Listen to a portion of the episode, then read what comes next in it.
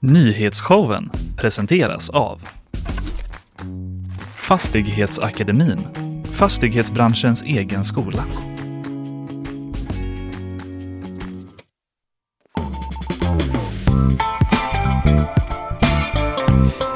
Ja, visst är det så att du eh, än en gång lyssnar på nyhetsshowen som ju sänder live från GP-huset i Göteborg och Fanny Wijk är med eh, mig den här morgonen. God morgon! Du, eh, vad ska du prata om idag?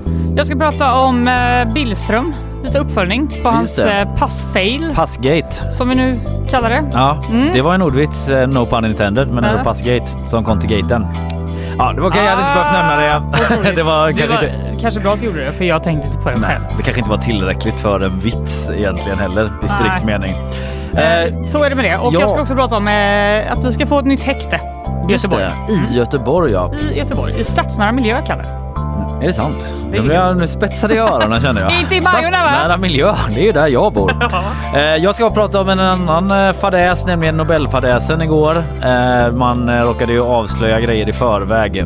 Och, Åh, eh, så pinsamt. Ja, det blev lite pinsamt. Jag ska prata om det. Sen också om Vatikanen. De ska ha ett stort gaymöte. Nej, det ska de inte, men de ska ha ett stort Mysigt. möte och, och snacka om välsignelse av samkönade relationer. Jaha. Bland annat. Är det okej med gay? Det får vi reda på efter det här mötet. Jag ska Ja. snacka lite om det.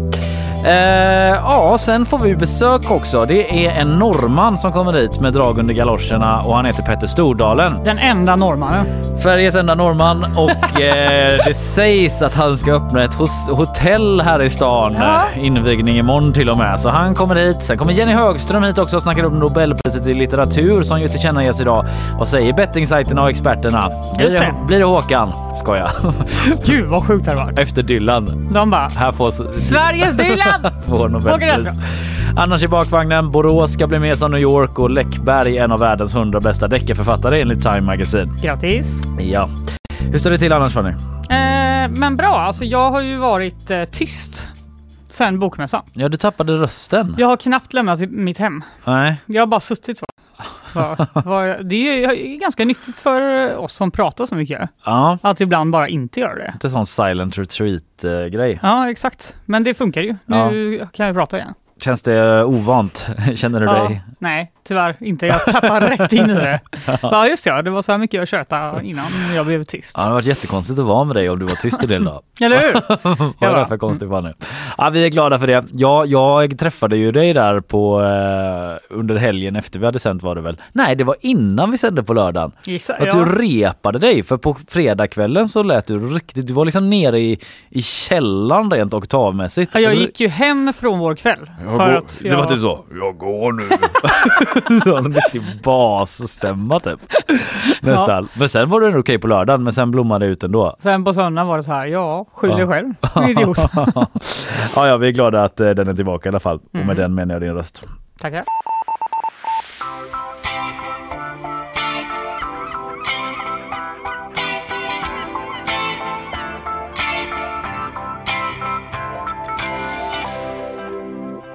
Du och Ina pratade ju om vår utrikesminister Tobias Billström igår. Ja, Mm, han skulle åka till Kiev för att träffa ett gäng andra utrikesministrar från EU i ett historiskt möte. ja, det var ju ett historiskt möte han var på Ja, väg till. i alla fall om man frågar EUs utrikeschef eh, Josef Borrell så var det ett historiskt möte. Mm. Han tyckte det.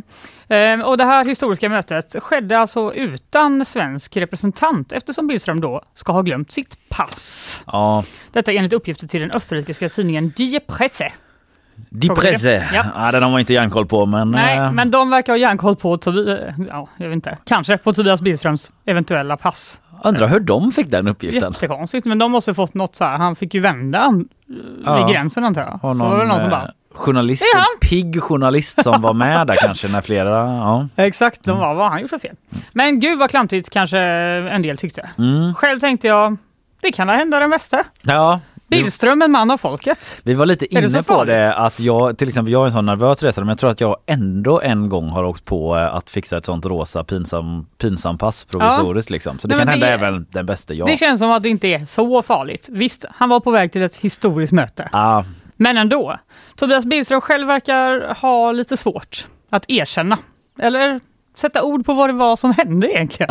Alltså, I alla till och med fall, sätta eh, ord. Ja, jag tycker det. Jag Ja. inte, du får se vad din tolkning är här. Mm. Vi har ett ljud från när han var i Aktuellt igår och eh, pratade, egentligen skulle prata om NATO. Men han fick eh, såklart även frågor om den här viktiga, viktiga händelsen. Det här mötet beskrivs ju som historiskt, men du var inte där och det har rapporterats att du glömde ditt pass. Vad var det som hände? Ja, vi hade ett litet problem med resehandlingarna och därför så var det inte möjligt för mig att resa in i Ukraina. Men eh, det var alltså en brist på korrekta handlingar och det ledde till lite logistikproblem. Det var en brist på korrekta handlingar Ja. som ledde till logistikproblem. Det är verkligen så politiska för att säga jag glömde mitt pass, jag kom inte in.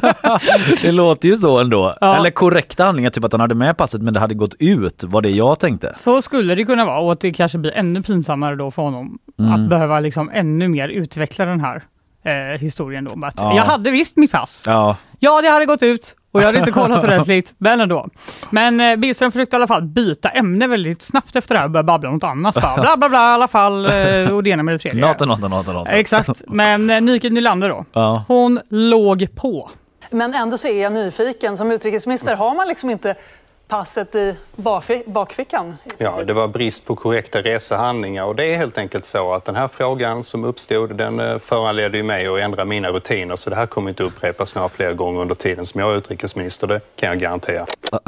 Så att så här, numera lägger jag alltid passet i hallen på byrån. Så jag ska komma eller ihåg i det. bakfickan som Nike sa. Har de inte alltid passet i bakfickan? Det hade Va? varit konstigt som utrikesminister att ha passet i bakfickan hela tiden. Gå runt så på jobbet bara. Shake me out. Men det var så himla, jag tycker bara att det är så här, det är inte typ att det är så här. Billström för fan, landet är kaos, isarna svälter, allt Ja. brinner överallt. Utan det är ändå typ på frågan så här, glömde du ditt pass? Ja. Så bara, jag kan inte svara på det. Nej, Jag måste ändå säga någonting lite, lite eh, så kryptiskt. luddigt. Ja. Ja, Men, säg vad det eh, är så är det lättare att gå vidare. Nu vill man ju veta. Exakt, nu kan inte jag släppa det liksom. Hon var ju tvungen att återvända dit Ja. fastän han försökte prata om NATO, Ja. Mm. typ en, en riktig fråga. Och hon bara, ja men jag vill ändå veta. Ja, men också typ så här, vi kommer ändå ingenstans med NATO. Jag orkar inte fråga dig om det igen. Nej. Men eh, jag sa ju att det beskrevs som ett historiskt möte. Billström han verkar dock vilja tona ner betydelsen något. Historiskt eller inte så var det här ett informellt ministerråd, säger han. Det fattades inga beslut och jag har själv varit vid, Uk- i Ukraina vid flera tillfällen tidigare och jag kommer res- resa dit igen. Ja, men det låter som någon som har missat en rolig fest ju. Jag Ja. såg bilder och det såg inte ens så kul ut. Nej, bara, Ja. Det var inte så mycket folk där. Hur Men- fett kan det ha varit egentligen? Och så, jag har varit på fest innan. Historiskt, ja precis. Och jag kommer gå på fest igen. Okej Tobias, men det var inte det det handlade om. Han kommer i alla fall åka dit igen och det kan han väl gott göra. Men glöm inte passet Tobias. Nej. Det blir så pinsamt då.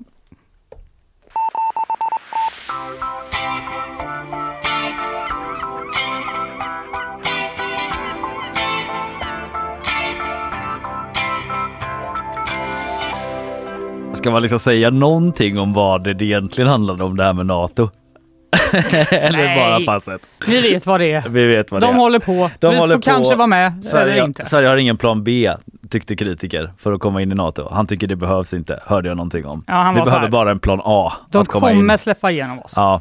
Vi får väl se. De öppnar ju parlamentet där och ska väl rösta med Turkiet och allting. Du, det var inte bara Tobias Billström som råkade ut för eh, en eh, liten eh, fail eller vad man ska säga. Det delades ju ut igår då det anrika, hedersamma, ikoniska Nobelpriset i kemi.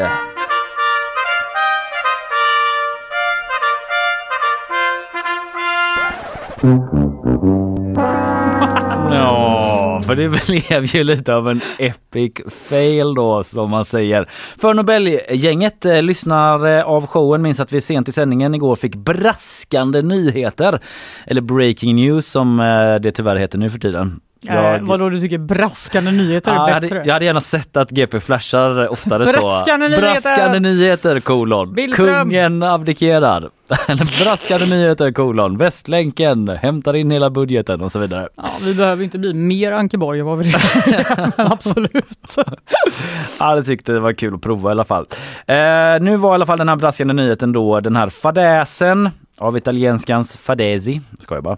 Men eh, att eh, Nobel, det var en Nobelfadäs av sällan skådat slag, nämligen att vinnaren hade läckt ut av misstag redan under morgonen då.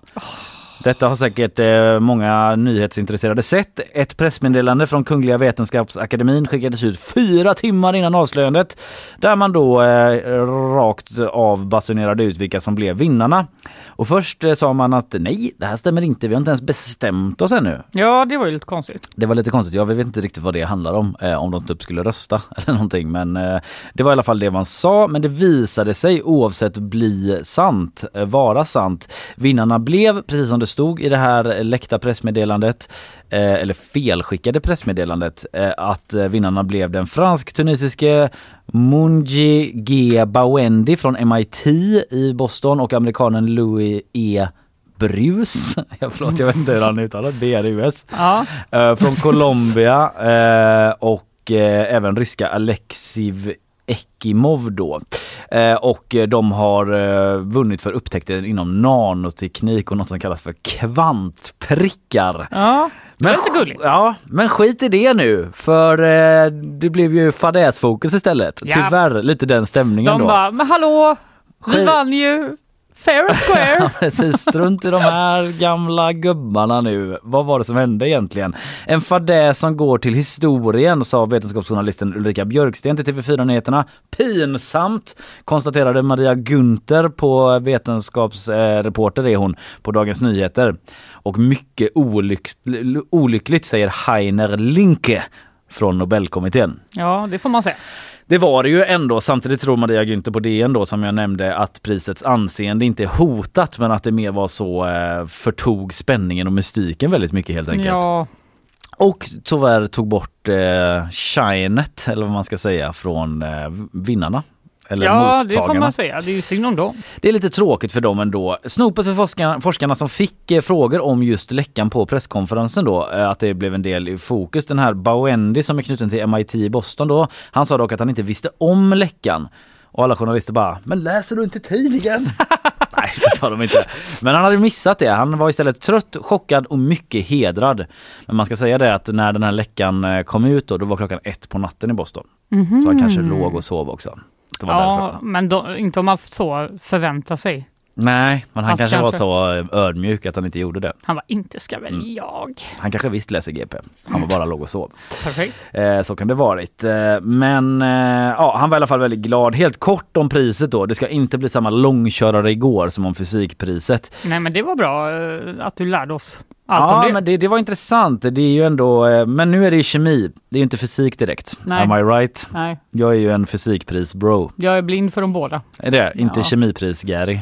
Nej, I wish alltså. Ja, nej men eh, det coolaste priset är ju fysik men kemi är mer Alltså jag vet inte, jag utmanar samtliga svenskar att nämna en enda kemipristagare i världshistorien. I dare you! Hör av er om ni kan en på rak arm. Jag tror inte det. Nej. Det kan man ändå med fysik, kanske någon. Det handlar i alla fall om kvantprickar, nanoteknik och skärmar. Forskarna har banat väg för nanoteknikens minsta komponenter, nämligen kvantprickar, skriver eh, Nobelkommittén. Och att de numera används för att exempelvis lysa upp dator och tv-skärmar och förfina ljuset i LED-lampor. Så det är ändå något som till skillnad från fysiken får jag väl ändå ge kemisterna har större inverkan på vår vardag. Ja, det får man verkligen säga. Det händer ju ändå att man sneglar på en skärm Jaså, från det får stå för dig Kalle. eh, då och då. Men de här kvantprickarna används då, det är liksom ett så roligt namn, kvantprickar. Ja. Varför så- är det kul? Jag håller med. Ja, men jag det låter bara lite gulligt på något sätt. Mm, Ja, det gör det. Min lilla kvantprick. Nej, men de kan användas till mer grejer och eh, är såklart jättesmå då och eh, under en lång tid trodde ingen att man kunde skapa så här små partiklar ens, säger Johan Åkvist som är ledamot i Kungliga Vetenskapsakademin. Men detta har årets eh, Nobelpristagare i kemi lyckats med då. Så de har lyckats skapa jätte, jättesmå prickar som är jättebra att ha i olika LED-skärmar så att det blir kanonbra ljus och så vidare. Tackar! Tack för det! Läs mer om detta på gp.se. Jag sätter punkt där.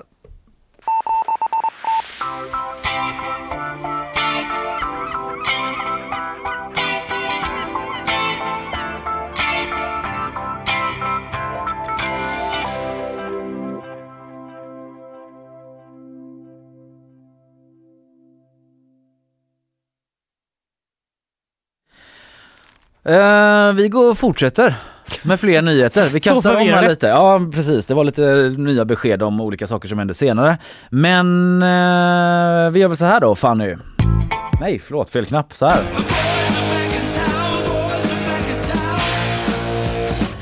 Killarna är tillbaka i stan. Fan vad gött! Ja, vilka killar är det jag talar om? Jo men det är ju påven och alla hans kardinalkompisar. Of course. Nu samlas de alla boysen och stan i frågan är ju Vatikanstaten då. Ja. Eh, och det de ska göra är att de ska ha ett tre veckor långt möte.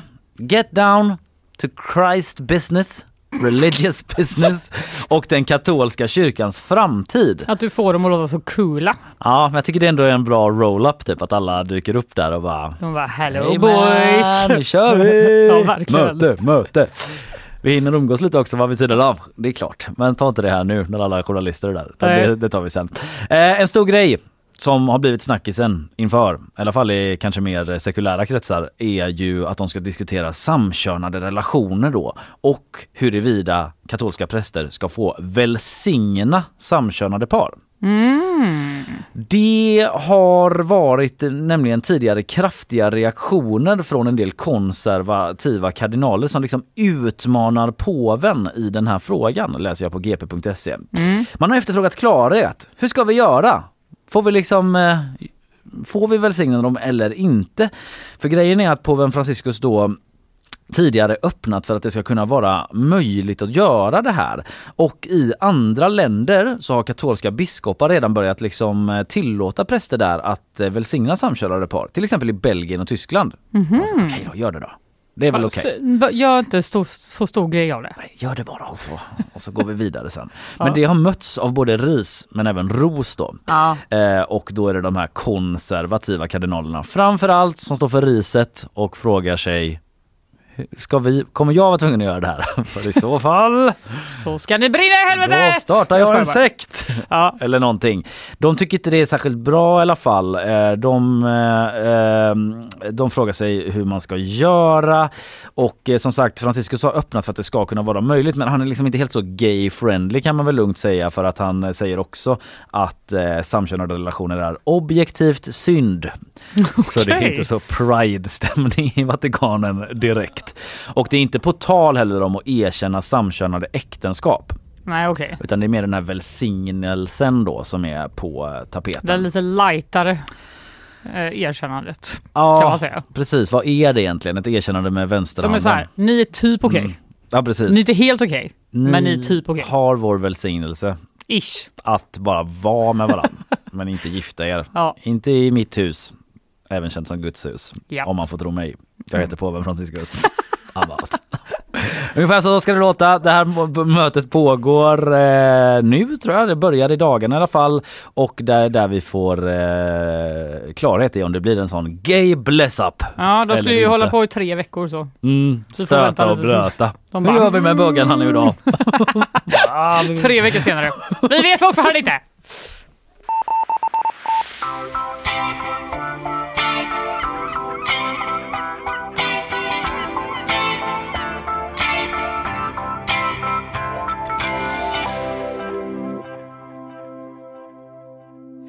Nu är det nyhetssvep. Petter Stordalen stryker redan runt i lokalerna här och inspekterar bullarna som blev över från kanelbullens dag. idag. solglasögon på sig. Solglasögon, någon typ av eh, sån eh, collegejacka. Han sätter sig nu på nyhetschefens stol eh, som inte är här ännu då och tar liksom för sig. Jag har hittat någon sorts Muminkopp eller liknande från skafferiet här. Han kommer in om en stund men först eh, lyssnar vi på våra sponsorer. Nyhetsshowen presenteras av Fastighetsakademin, fastighetsbranschens egen skola.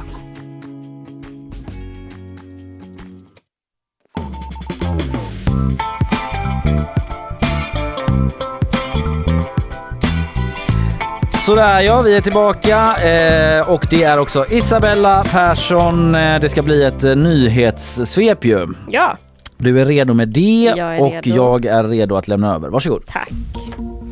En eh, skottlossning har i natt inträffat i Agnesberg i norra Göteborg. Skott ska ha skjutits mot en bostad men ingen person ska ha kommit till skada.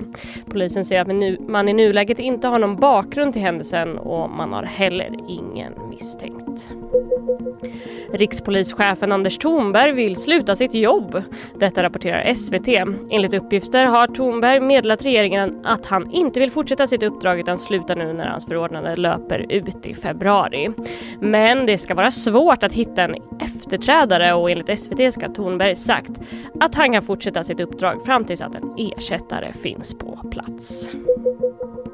Klimat och miljöminister Romina Pourmokhtari skulle igår delta i ett evenemang hos Fossilfritt Sverige men på grund av säkerhetsskäl ställdes delar av hennes event in. Statsminister Ulf Kristersson skrev på Instagram att det inställda eventet skulle ha koppling till gruppen Extinction Rebellion. Organisationens presskontakt sa under natten till GP att Kristersson beskyller en fredlig klimatrörelse och skjuter brevbäraren istället för att ta klimatkrisen på allvar. Ja, och Kristersson sa väl att de hotar demokratiska processer eller något sånt där. Ja. ja så eh, tyckte han, eh, nu står eh, Petter Stordalen där ute och liksom pekar på våra stora skärmar om vad som liksom går bäst på sajt och så. Ja, alltså, jag är, aldrig, jag är så stressad över att han går runt där ute. Det känns jättekonstigt. Ja, precis. Han ska snart in här i studion. Först ska vi vidare och snacka lite Göteborgsnyheter. Eh, Tack så länge Isabella. Tack.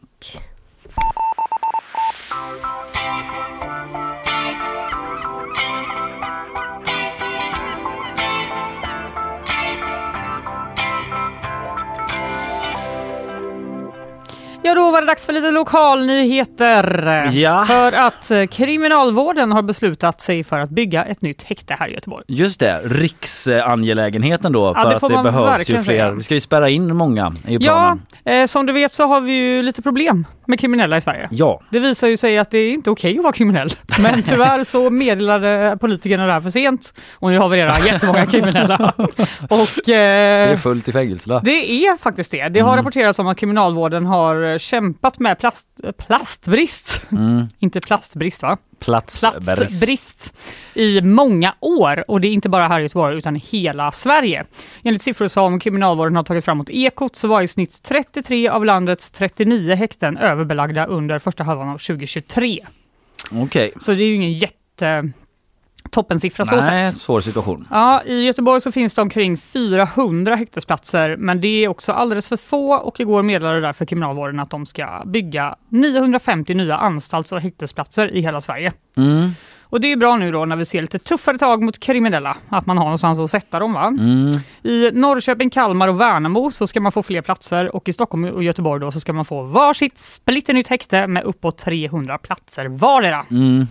Victoria Rydholm, hon är chef på Kriminalvårdens fastighetsenhet. Hon får frågan av oss på GP då, hur stort är behovet av fler platser? Eh, och svarar det något obegripliga, i det längre tidsperspektivet jobbar vi med frågan här och nu. Mhm. Jag upprepar, Ja, i det längre tidsperspektivet Ja. så jobbar vi med frågan här och nu. just det. Men det är ju oundvikligt att eh, om man ska ta något eh, och jobba mot något som händer längre fram så måste man ju ändå börja här och nu. Ja, Eller? jag antar det. Eller så börjar man längre fram. Ja. Men ja, jag vet inte. Ja, jag, jag fattar inte vad hon menade, men hon fortsätter i alla fall att det finns starka kopplingar till politiken. Vi analyserar konsekvenserna av det så kallade Tidöavtalet. Och när man Mhm. gör justeringar vad gäller lagförändringar och hela rättsapparaten så får det ju direkt påverkan på Ja. kriminalvården. Det kan man ju förstå. Ja, Det har ju till exempel varit tal om skärpta straff för brott i kriminella nätverk, slopad straffrabatt, längre straff överlag och sen, så sent som igår så sa vår justitieminister Gunnar Strömmer att de allvarligaste ungdomsbrottslingarna ska placeras i ungdomsfängelser. just det. Då måste man bygga sån också. Då måste man bygga sådana också efter en rapport då som visar att 91 procent av dömda ungdomar med gängkopplingar begår nya brott efter några års sluten ungdomsvård. Mm. Det är också ganska dålig siffra va? Det är det. Eh, Och allt detta påverkar ju då såklart kriminalvården och Stefan Römer som är ordförande för fackförbundet Sekos lokala avdelning i Region Väst. Han har tidigare sagt till GP att situationen är pressad och läget kommer att förvärras under hösten. Eh, Här i vårt område då. Mm. Antalet intagna ökar hela tiden. Vi har i princip inga häktesplatser kvar. Vi är alltid fullbelagda. Det är jättebra att polisen tar, tar fler kri- kriminella, men vi har ingenstans att ha dem. Nej. De kommande sex månaderna kan bli några av de värsta i kriminalvårdens historia tror jag. Ja. Det är i princip lapp på luckan överallt. Ja, Där vad gör han. man då? Dela cell och... Ja, det är ju också att många blir kvar i häktet för länge Ja, för att det inte finns plats när de väl har dömts. Det. Men det eh, har ju Sverige fått domstol. kritik för länge va? Långa Exakt. häktestider. Det kanske är olika anledningar bakom det men ja. Eh, ja, det finns säkert en hel liksom, kedja Mm. som det brukar vara. Va? Mm. Eh, dessutom såg jag på P4 Göteborg nu på morgonen att eh, utredningschef Erik Nord, Mm. han säger att nästan en tredjedel av alla häktade i polisregion Väst har kopplingar till kriminella nätverk. Bra att ha dem inlåsta, säger Ja, det säger han. Ja, då har man väl större möjlighet till, till att ha dem inlåsta nu då. Om, eh, när skulle det här fängelset vara färdigt? Ja, det är ju nästa grej då. Ja. Eh, för det första, var ska det här häktet vara någonstans? Ja, Det är ju många saker man helst slipper i närheten av sin bostad. Hospice, där döingar bor. Det vill man inte ha. Det var ju problem i Hovås. ja men just det, det Ja. reagerar folk på ja. Nattklubbar Ja, och barer. Nej tack. fotbollsplaner. Nej tack. Stök med ibland. Kanske kan ett häkte också kvala in Mm. bland de sakerna som man inte vill ha bredvid sin bostad. Men Victoria Rydholm på Kriminalvården säger att eh, för att rättskedjan ska fungera så effektivt som möjligt så bör häktet ligga i stadsnära miljö, i alla fall då relativt nära polisstation och domstol och så vidare. Just det, för det är ju ett häkte trots allt också. Inte ett Exakt. fängelse så. Nej men så jag har några förslag. Ja, Skeppsbro. Det finns en absolut. jättestor tomt där. Kan lägga det under marken kanske. Kanske det. Du har ju redan en entré ner till underjorden. Ja, exakt. Ja. Eh, De har ju precis byggt eh, entrén ja, så Ja. vi kan ju li- lika gärna fortsätta där då. Mm. Eh, kanske station Haga. Varför Verkar inte hända ett piss där ändå. Bara skjutsa ner alla häktade i ett hål i marken typ. Bara, eh, Vi har byggt en liten eh, krater här där Ja. ni kan bo. Amnesty Eller, eh, dör. Kanske det fall, Skandinavium typ. Ja, ska vi riva. just det. Där kanske vi kan bygga ett häkte. Mm. Det får vi se. Enligt GP så kommer det nya häktet i alla fall kunna tas i bruk redan 2030. Ja. Så det kommer vara lapp på luckan ett tag till då.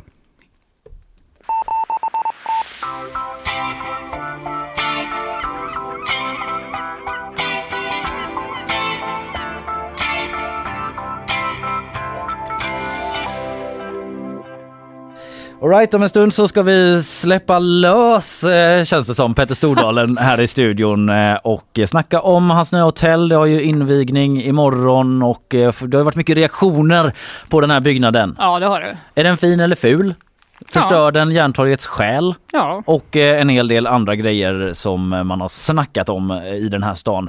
Eh, nu ska vi lyssna på sponsorer först. Nyhetsshowen presenteras av Fastighetsakademin, fastighetsbranschens egen skola.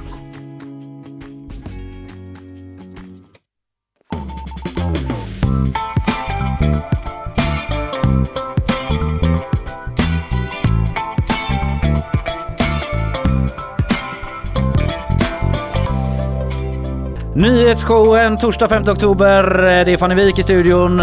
Kalle Berg heter jag och 104 meter högt boutiquehotell tornar numera upp över Järntorget och har fått göteborgarna att tissla men även tassla då om det här bygget. Det väcker mycket känslor. Tornet, är det fint eller fult? Eh, vad händer med Järntorgets själ? Och eh, hur nice är den här restaurangen högst upp egentligen? Vi pratar såklart om ett av stadens nya landmärken, Hotell Draken. Och här för att snacka om detta hett debatterade torn är dess egen pappa kan man väl säga. Petter Stordalen, god morgon. God morgon! Hur eh, står det till? Har du eh, liksom premiärnerver? Det är ju stor eh, fest ikväll. Jeg har litt nerver også fordi vi har et spektakulært show utendørs. Så vi skal dra, så jeg håper liksom at ikke det blir for mye vind, og at det er forholdsvis Så vi skal få draken til å Som i Game of Thrones komme ut over hele elven og over Göteborg. Ja. menar du? Ja, ja. Idag, är det här ikväll? I kveld. Nei, vi, vi, vi hadde jo en stor øpning når vi åpna Post for litt over ti år siden. Ja. Og så tenkte vi, hva skal vi gjøre for at alle göteborgere skal se at når vi åpner hotell, da ser man det over hele staden. Ja, Og nå gjør vi noe som er helt jævla spektakulært. det känns i linje med din Ja, ja. personlighet. Nei, Att du inte ska så stå i där med en kveld, det er sånn Ja. et, rundt klokken ni, Ja. Okej. så, så drar vi i gang. Så vem som helst kan komma dit? Ja, ja, men altså, det er jo utendørs. Mm. Ja, Jeg skal få draken til å ta av fra Den er jo egentlig Hemmet til draken er på brasseriet og Ja. 100 meter over bakken. Mm. Så skal jeg få draken til å ta av fra brasseriet. Ut over Göteborg. Hur, jag fattar inte. Och hur ska det här gå till? Vill du Nej, berätta det er, mer? det er det som er magien. Ja. Det, det er det som er fantastisk med å være meg. Man kan si hva man drømmer om, og så har man fantastiske mennesker som sier ja, men det fikser vi, Petter. Ja, Ja, det, var bra, det var bra reklam för att få folk till Järntorget ikväll Ja. klockan nio i alla fall. Ja men förlåt, alltså, vad är det som ska hända? Jag förstår inte riktigt. Vadå, att den här draken som är... Den, du, har du vært der? Ja, Har du varit inte där? där inne har jag Nej, inte nej. varit. På toppen så har vi en drake, Ja. som er et konstverk som er 20 meter lang, Ja, som henger i taket. I Ja, Skybar. I Skybar. i Skybar, men det är den du menar ja, den har jag sett. Ja, Og, hvis- og, og jeg vil at du i ditt hode ja, skal se at draken går ut av hotellet, ja. ja. av sitt hem i drakenestet og kommer ut over Göteborg Och detta ska hända liksom. Det skal hende i kveld. Ja, Kalle, du måste släppa Ja, men din jag känner att jag inte är den här dröm, Ja, men alltså, drömmaren som Ja, men har, har, är. har, har du ikke sett Jag hänger upp du, mig på detaljer. Ja, Jag hade fått men- sparken men- direkt. Ja, men, men, du, du har sett Game of Thrones? Jo, jo, det har jag gjort. Ja, Ja. Der, der flyr jo de drakene. Ja, Ja. just det. Ja. Og dette skal skje. de, dette skal vi få til. Ja, det ska ni få till. Ja, og i kveld så ser det ut å bli bra vær. I går var det jo veldig mye vind Ja. og litt regn. Og i kveld så, så blir det liksom det er, det, det er fire sekundmeter vind. Ja. Det ser ut som det er klar, clear skies. Og der kommer draken over sånn Jeg tror det kan bli magisk. ja, det låter ju Ja. häftigt. Vi får se hur det går och Det, hur det går er, till. det blir heftig. Ja, ja, om det funkar. Jag vet inte varför Kalle, jag är så sluta vara så negativ. Men, men, men, Det men låter altså, om det funker. Det er ikke noe alternativ at det ikke funker. Nej, Det er en öppning, og vi åpner bare draken vad gör du då om det, om det skiter sig? Sparkar du hela liksom Ja, men Livet drakflygargänget? mitt har jo vært et liv av opp- og nedturer. Altså, jeg, Ja. jeg gjorde jo et, eh, en variant av et annet show i, når vi åpnet eh, Malmö Live eh, i Malmö. Mm. Da eh, gikk jeg jo på trynet med en jet og ødela hånden min. Så det, Ja. var, det var ikke planlagt. Det var inte Live. planlagt. Det var også live. Det gikk åt skogen. Rett i kaklet. Väldigt spännande i alla fall då att se vad som händer där ikväll. Vilka kommer vara där då? Eh, är det liksom, ja men precis, vem som helst kan dyka upp eh, utanför då och se detta? När får man komma in då?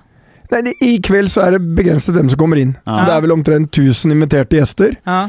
Eh, så hotellet er for alle praktiske formål fullt. Ja. Men, eh, men det jeg snakker om nå, det kan man jo se Mm. Vilka är det som kommer ikväll? Är det så här influencers och kommer Bianca Ingrosso? Har du Nej, fått dit är- kändiseliten eller hur kommer det se ut? Eh, Det er sikkert både noen kjendiser, og så er det masse mennesker som har hatt en eller annen tilknytning til eh, draken, og så er det eh, de som har vært med å bygge Altså det er mange forskjellige. Mm. Mm. Men eh, du, det här är ditt trettonde hotell i Göteborg om vi har räknat rätt. Du har bra koll! Ja, jag försöker. Ja, men det är bra. Ja, bra. Vad skiljer Hotell Draken från de andra 12 hotellen som du har i Göteborg, skulle du säga? Draken er unikt i sin historie, for det begynner med Draken Bio. Altså den legendariske Draken Bio. Mm. Og Folkets hus i liksom arbeiderstaden Göteborg. Arven, liksom. Det som begynte med verftsindustrien på 70-tallet, når den gikk ned. Og så forandrer hele Göteborg seg til å bli verdensledende innenfor fordonsindustrier, life science, kunst, kultur altså det, Og så, her, så, så draken, hele prosjektet, er som du får fuglen, eller draken Fenix, opp av osken og opp gjennom Folkets hus, 100 meter opp, og alt. Så vi har tatt med oss den gamle historien om draken, om bioen, om film, om kunst og kultur, og, øh, så, og det tematiserer hele hotellet. Mm. Så nå, og vi fortsetter nå, så vi skal åpne et spa der i mars. Og vi, så vi, vi gjør mange ting som gjør at du, det er, du drar til Draken, det er en destinasjon. Det er mer enn bare et hotell. Mm. Det er restauranter og barer, og det, det, det, det er liksom og så Vi fanger inn Göteborgs matscene, kulturscene, opplevelsesscene, nøyescene. Og Jerntorget er jo stedet for eh, alkoholholdige drikker og nøye. Mm. Det kan man säga. Det Ja, det skrev faktisk Morgenposten i eh, 1897. Att Arton. Järntorget var det? Ja. Jerntorget var et sted for synd og nattliv. Aha, ja. Ja, det, inget har hänt sedan dess. Det är Nei, samma men nu. det, vi skal få det til å komme tilbake i, i, enda, med enda sterkere kraft. Ja, ja, Ja. vi kan väl återkomma till det. Men eh, okej, men det här hotellet och vilken är den typiska gästen som du ser framför dig? Och säg inte alla. Är det liksom massa normer med mycket pengar eller vilka ser du framför dig ska men det komma? det som er fantastisk med alle hotellene vi åpner. De er åpne for alle. Og alle skal kunne komme der.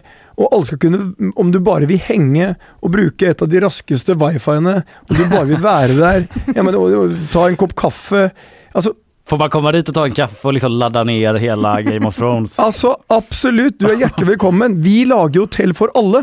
Ja. Vi er Fast pizzorna kostar 300 spänn. Ja, men nå må du, tenker bare på penger. Du må tenke på alt Jo, det jo. du får. Det är ju Ja, men- inflation och Ja, lågkonjunktur Petter. Det är Ja, klart men, jag tänker men må du på, det er jo skillnad på å få en pizza levert av Fodora hjemme i legenheten din som ikke du har stedet, og komme til liksom draken hvor du får den, og du får med, du, du får med en hel opplevelse. Så, så pizzaen er bare en del av det. Og alt dette for 300 kroner. Altså, du kan, kan du kan Du kan- bruker jo mer penger sannsynligvis på Voi enn enn du bruker på en sånn opplevelse. Rätt spaning om att jag inte har städat hemma. Fel spaning om att jag brukar Voi. Vad brukar du? En vanlig cykel. Ja, med el eh, Med el ja. ja. Ja, du har. Nu blir det, Ja, det har jag, nu det blir har det jag. roast av Kalle här. Ja, men det, jag är, ro- det är och roligt att vi har, li- man kan ha olika spins på en 300 kronors pizza, eh, uppenbarligen. Det kan man Men, eh, men, eh, ja, men eh, själv då för övrigt. I maj sa du att, eh, till Dagens Industri att du är rikare än någonsin, på tal om lågkonjunktur och sådär. Jeg sa ikke rikere, jeg sa Det stod i artikeln i alla Ja. fall. Og ja, Ja. og når ble det sånn at alt som står i avisen er sant og presist sitert? Så det är inte sant då? Det går bedre enn noensinne. Ja. Vi har er rekordresultater, Ja. og ja, jeg er tilbaks sterkere enn vi var før pandemien. Mm. Så mm, rent teknisk så kan man da si at du er rikere, men igjen, det, det handler ikke om penger. Det handler om at det viktigste for oss, vi er tilbaks med flere ansatte enn noensinne. Vi har åpnet alle prosjektene. Vi lot ikke én stå kvar. Alle skulle med. Vi tok alle med gjennom pandemien. Ut av pandemien tok vi alle tilbake som ville ha jobb. Alle. Alla är tillbaka. Ja, Just alla som, ville ha- fick gå under ja, pandemin har fått Ja. återanställas. Og noen forsvant jo, men altså alle de som ville. Mm. Og det er jeg stolt av at vi, vi, vi, vi hadde Det er på mange måter litt sånn sosialdemokrati eh, og når vi er i eh, Göteborg. Det er litt sånn som Gøran Johansen ville sagt det. Alle skal med. Mm. Vi tar med alle. Ja, ja, ja, men... Eh, Det er fint, veldig inkluderende. Ja, det, var- eller vad är väldigt inkluderande? Du Ja, det er inkluderende at alle skal med. Jeg liker liksom den tanken. Ja, men det finns en dubbelhet i det där. Eller du pratar ofta om det där socialdemokratiska. Du har liksom pratat om man ska betala skatt och det där. Alltså vi ska inte komma in på det, Nej. men eh, alla ska med. Men det är ändå ett väldigt exklusivt bygge du har byggt på en plats som är liksom... Eh, alltså det har ju funnits en kritik i det där bland vissa. Att det här är ju liksom en plats där Folkets hus har legat. Det är liksom en plats för arbetarna. Och nu kommer det här väldigt liksom storslagna bygget med en hotellbar och ett jättedyrt spa. Och det är en miljardär som kommer in. Att det liksom många ser en krock i det. Vad tänker du om den eh, kritiken? Eftersom du pratar om det här liksom att det liksom finns en så nu pratade du om dina anställda i och för sig, men det här socialdemokratiska att alla ska med och sådär. Att eh, många andra ser det ju som en krock. Att du kommer in och bara kör ner en 100 meter hög påle i Folkets hus och bara här kostar pizza, här kan du köpa en köttsteg för tusen spänn. Förstår du? Ja, Vad tänker du om det? Jeg syns det er helt fantastisk, og det er det jeg elsker med de nordiske landene, det jeg elsker med Sverige. Det at alle Vi skal ha diskusjoner. Vi skal være uenige, for det skaper utvikling. Du og jeg kan sitte og diskutere om det er bra eller ikke bra at det er mange byggekraner i Göteborg. Jeg tipper at du ikke liker at det er mange byggekraner. Jeg elsker byggekraner, fordi vi ser ulikt på det. Uten byggekranene som jeg ser over Göteborg, så ville den staden her forvitret. Og det ville blitt dårligere for deg og alle de andre som lever i staden. Byggekraner er bare et, et bilde på at en stad er i utvikling. Mm. Man Att kan ju bygga olika saker med Du kan bygge ulike saker, men du må også bygge hotell. Du må bygge steder hvor folk kan ha det hyggelig. Du må, Göteborg er jo en eventstad. Det er en stad hvor alle reiser til. Mm. Det er en stad som har konserter og arrangementer, og det er kunst, kultur. Göteborg er kanskje en av de mest dynamiske stedene for konserter i Norden. Mm. Og da må de ha et sted å gå. De må ha et sted å ta en pizza og en bæsj. De må ha et sted å henge. Og vi skaper de stellene. Det begynte med post, og nå er det Draken, så kommer Karlatårnet, som er kanskje litt mer business. Altså, men, og, det er, og de er inkluderende, de er ikke ekskluderende. Alle kan gå inn på post. Ja, Alle jo. kan gå inn på Draken. Men jag tror ändå, alltså vi behöver inte fastna där för länge och det är liksom bara en allmän uppfattning jag försöker kanalisera via mig men att så här, om man bara, ska vi gå och ta en bärs och en eh, pizza efter jobbet? Ja. Då kanske man liksom inte åker högst upp i hotell Draken och betalar Nej, men- 400 spänn för det. Og derfor har vi lagd et alternativ til det. Ja. Nede på bakkeplan, som er mye mer relaxed. Der satt jeg i går. Da tok jeg en variant av en halv spesial. Alltså, Fantastisk. vad, vad tog de för den då? Eller du kollade inte på notan? Men du, du betalar väl inte där? Jo, nei, jeg, jeg så ikke hva den kosta. Men jeg, jeg, jeg var Jeg tenker faktisk vel det. var- det var veldig mye mat for ganske lite penger. Ja, där ja. Du har tänkt på allt det. Mm. Men en annan kritik så har ju varit hur eh, byggnaden ser ut. Och Arkitekturupproret som är ju en rörelse som eh, röstar fram eh, Sveriges fulaste byggnad varje år. De tyckte att det var Sveriges fjärde fulaste byggnad. Det rostiga monstret liknar en pixlad penis, skrev de. Reaktioner på det? Ja. en, en pixlad Penis. En kuk? Ja, Japp, precis. en pixlad kuk. För att tala, eh, tala norska. ren norska, Ja. en kuk ja. Det var det de eh, skrev i motiveringen till varför det var så fult. Men da skal man huske på én ting. Vi fikk jo også massiv kritikk når vi gjorde post. Mhm. Ja, det var en, För det var fult. Noen mente det. Mm. Eh, hvis, fol- hvis ikke du hadde gjort noen ting med Folkets hus, så hadde hele det området og det, det, det vi ser der sånn, det hadde sakte, men sikkert forvitret. Se hva det området er nå. Det kommer til å komme en park foran der. Et av Sveriges største og mest fremgangsrike advokatkontor har sitt hovedkontor jeg tror Mannheim og Svartling, i et bygg bredvid det sorte bygget med som går i sånne bølger, som jeg syns er utrolig vakkert, og står fint til draken.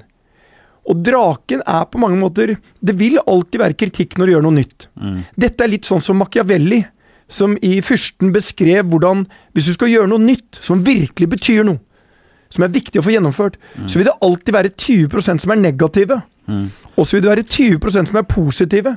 Og 60 de har- tar liksom ikke stilling før de har opplevd det. Nej. Så du kan ha rett. Det kan være noen i et arkitektopprør som eh, ikke liker dette. Og vet du hvor mye jeg bryr meg om det?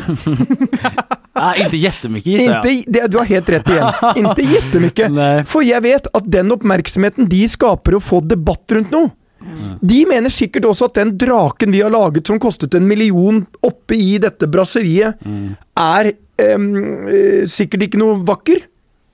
Men jeg bryr meg ikke. For kommer du inn der, så du får gåsehud. Du ser utover hele Göteborg. Du tenker at er jeg i New York? Og så ser du en stor drake. Du føler deg det kombinerte av liksom Femte Avenyen og Game of Thrones i en restaurant i en stad jeg elsker.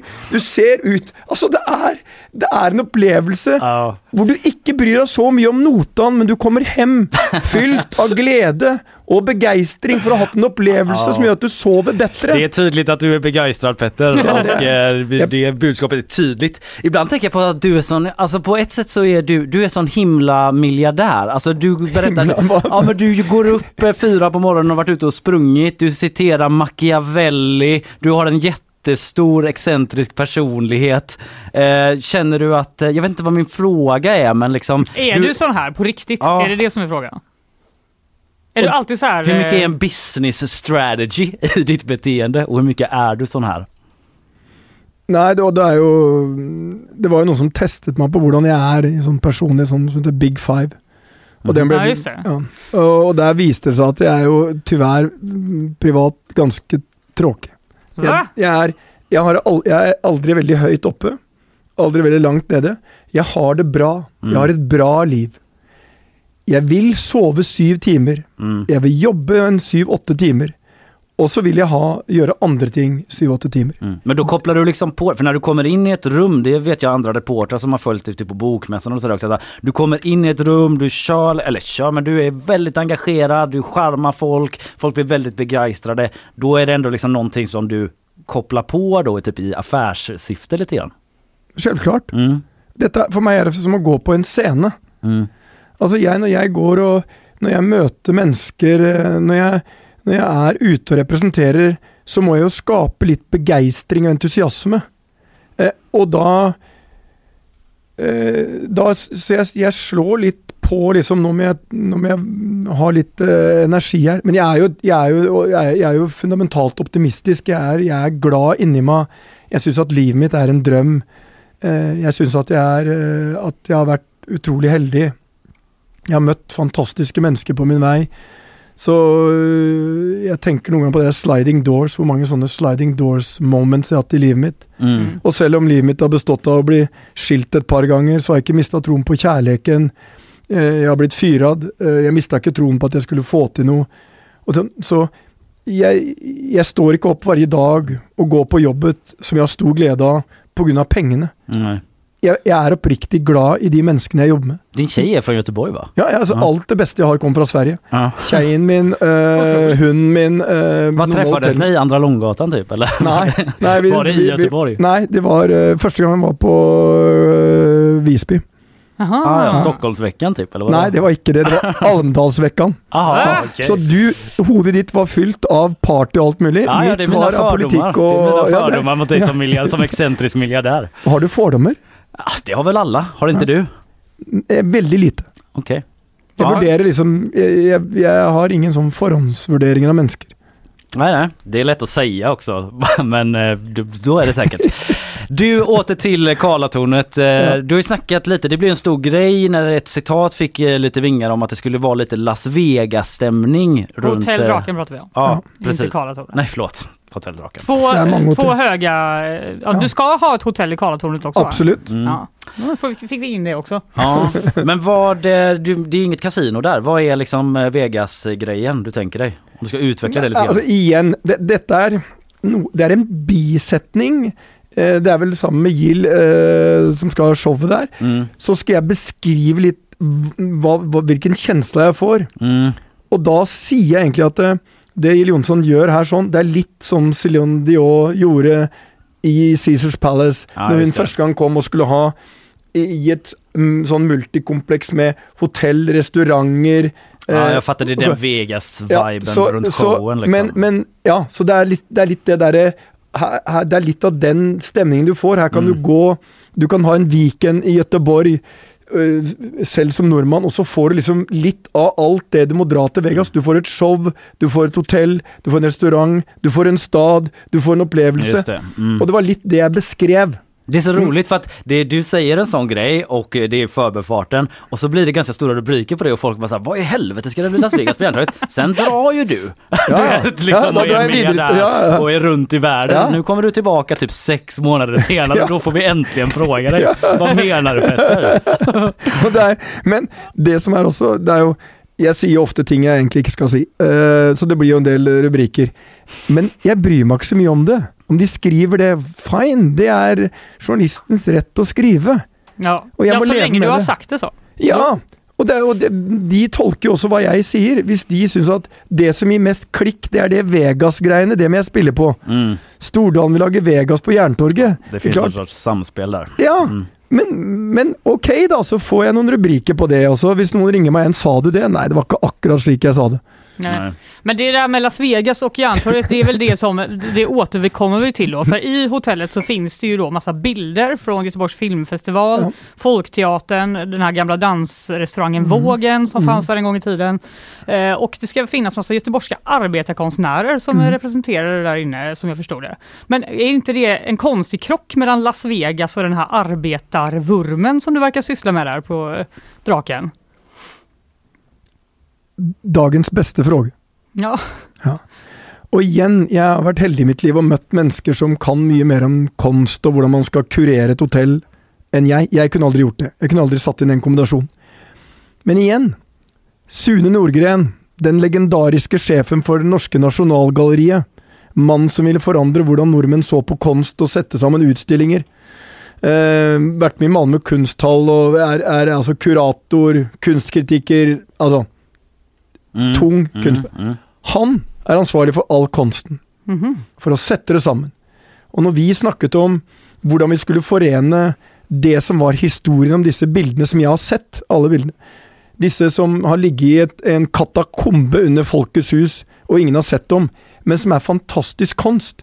Dette handler om litt romantiseringen av arbeiderne som var ved verftsindustrien, var ved Göteborg havn, og disse ble malt i forskjellige typer liksom, eh, målninger, og de, kan, de vil vi henge opp.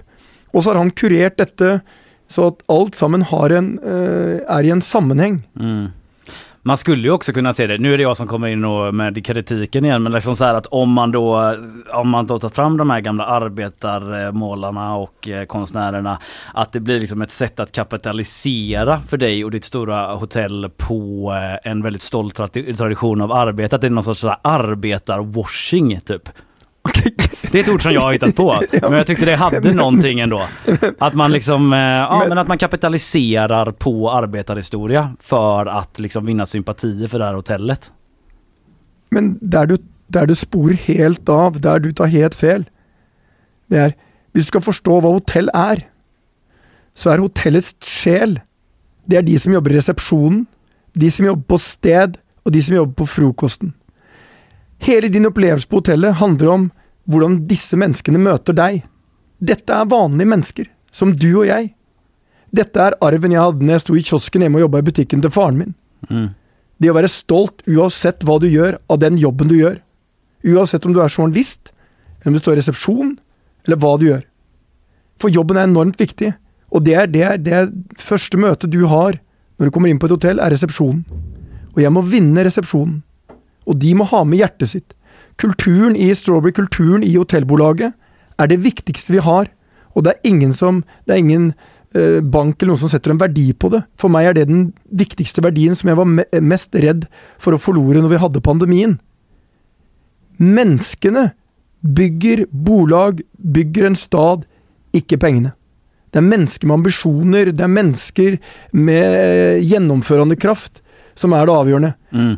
Og så for meg går det en, en rød tråd gjennom det Gøran Johansson fortalte meg når vi spaserte på Eriksbergsverftet, til Drottningetorget, til Jerntorget, og det er det jeg hadde med. Jeg kommer fra Porsgrunn, som er en arbeiderstad hvor Norsk Hydro var den gigantiske arbeidsplassen. Mm. Dette var alt det jeg vokste opp med. Dette var mitt liv til jeg var 18 år. Mm. Du känner du har, bottnar det? nei, jeg har en enorm respekt for det. Så, sånn, så, men, men det betyr ikke at ikke vi skal gjøre nye ting og utvikle en stad og bygge og sette opp fantastiske Mm. hotell. Nej. For det er ikke noe enten-eller. Det er et både-og. Mm. Jag fattar Og jeg vil vise fram den arven.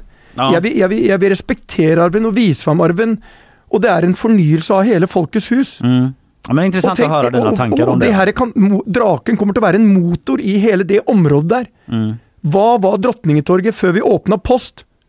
Det var en plass for parkering av. Du, ko- det var en plass du åkte fra, ikke til. Så åpna vi Post. Ljuset kom tilbake på Drottningetorget. Man kunne Nu ta en ändå i solen. Nei, men det er sant! Ja, det, är väl Nej, men jag- fortfarande det, jag- det är fortfarande exakt det du beskrev, bara att det ligger ett hotell där nu. Ja, men hva er fel med det? Nej, det är inget Hva- fel med det, men jag bara tycker var- att du drar på stod lite tomt. högra Nej, men, nej, men det stod tomt talat. i 15 år før vi kom Jo, inn. jo, absolut. Jag tycker det är, det är ändå rörande hur Petter pratar om ett hotell Ja. och sen särskilt i liksom kontrast mot din väldigt krassa syn Ja, ja, men jag måste ju väga upp lite Ja, ja, jag säger inte Det att är det är fel på det. Jag bara säger att jag, jag- uppskattar jag- kontrasten Ja, här. mellan- Jeg må si en ting. Mm. Veldig mange ledere sier de tingene jeg sier, at menneskene er det viktigste. Men jeg har akkurat vært på en turné, akkurat som et gammelt danseband. Tok med hele ledelsen i bolaget. Så reiste vi ut på 11 destinasjoner, besøkte 230 hotell, møtte 8000 ansatte for å fortelle dem om hva vi jobber med. Mm. Og de kunne fråge oss, og vi kunne snakke om hva er viktig for dem. Og vet du hva jeg møtte?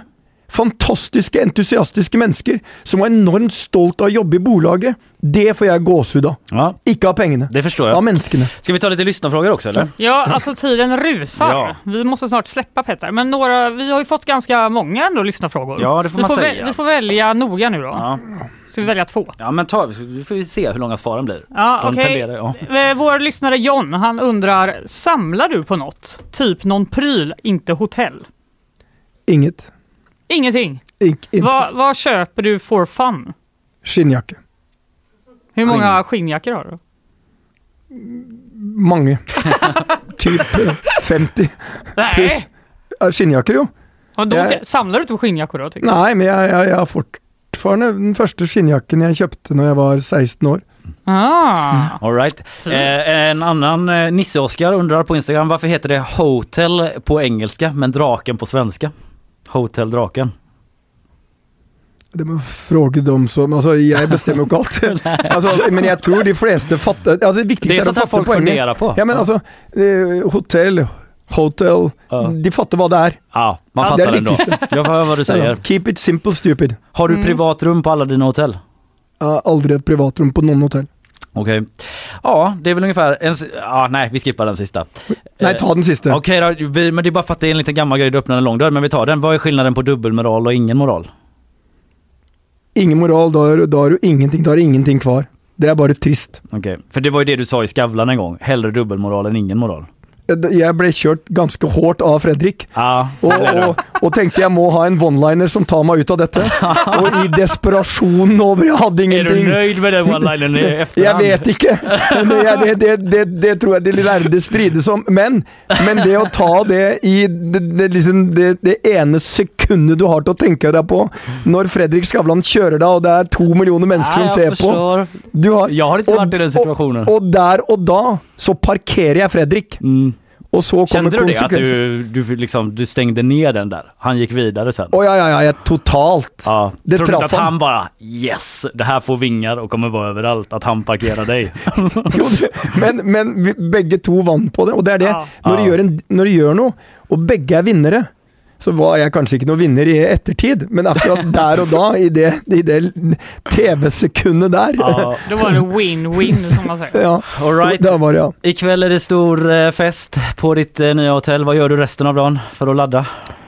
Jag ska runt, och- möta, jag ska till Mix Megapol senare och så ska jag göra E24 och TT och Göteborgs-Posten och Dagens Industrier och något sånt nå. och så eh, ska jag möta någon anställda och så ska jag ha eh, rep för talen min ikväll inne i Draken Bio och så, ja. Det, Det är massa grejer. det är massa Full grejer. rulle va? Tur Mm. du kom hit och värmde upp helt enkelt. Ja, det var jätteroligt att ha dig här Petter. Eh, Lycka till med draken och få den att flyga ikväll och den stora invigningen och allt du tar dig för. Tusen tack för idag! Tusen tack.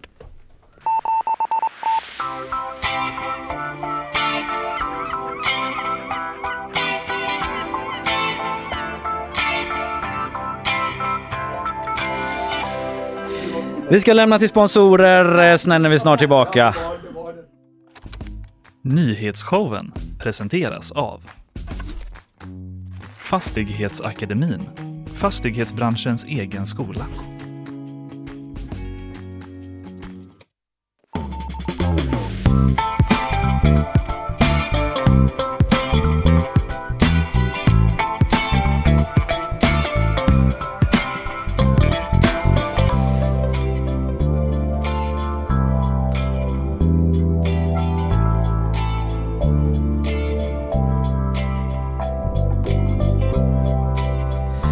Ja, Peter Stordalen virvlar iväg eh, till eh, nästa punkt på hans busy agenda. Det var lite roligt han sa det. Alltså, nu kommer min pressperson och begynte att säga allt jag sa fel där ute. Att han gick med en jättehärlig känsla. Ja. Och där ute kommer någon säga bara varför sa du sådär? Men va, vad sa han? Sa väl inget jätte eh, eller? Det är svårt att komma ihåg allting när det är så intensivt med Peter Stordalen när man pratar med honom. Ja, det får man säga. Men han var ju väldigt noga med att prata om det här att han liksom minsann visst bottnar i det här arbetararvet, att han liksom kommer ur det och en sån stad och så.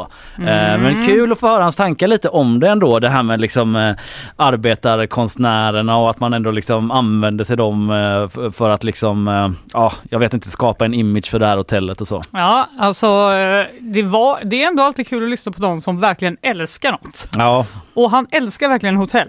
Det, får man ge säga. honom. Det får man ge honom. Och, men han är ju, det var ju lite roligt att han också är öppen med att ja, det är ju for show. Ja, Alltså visst, han kanske älskar sina hotell, men det är klart att han kopplar på liksom sin sång och dansmans eh, stil. jag undrar vad han gör där, där eh, han sitter hemma med sina skinnjackor sen. Han Ja. är helt urlakad. När skinnjackorna ska räknas, så att säga, liksom, på den yttersta dagen.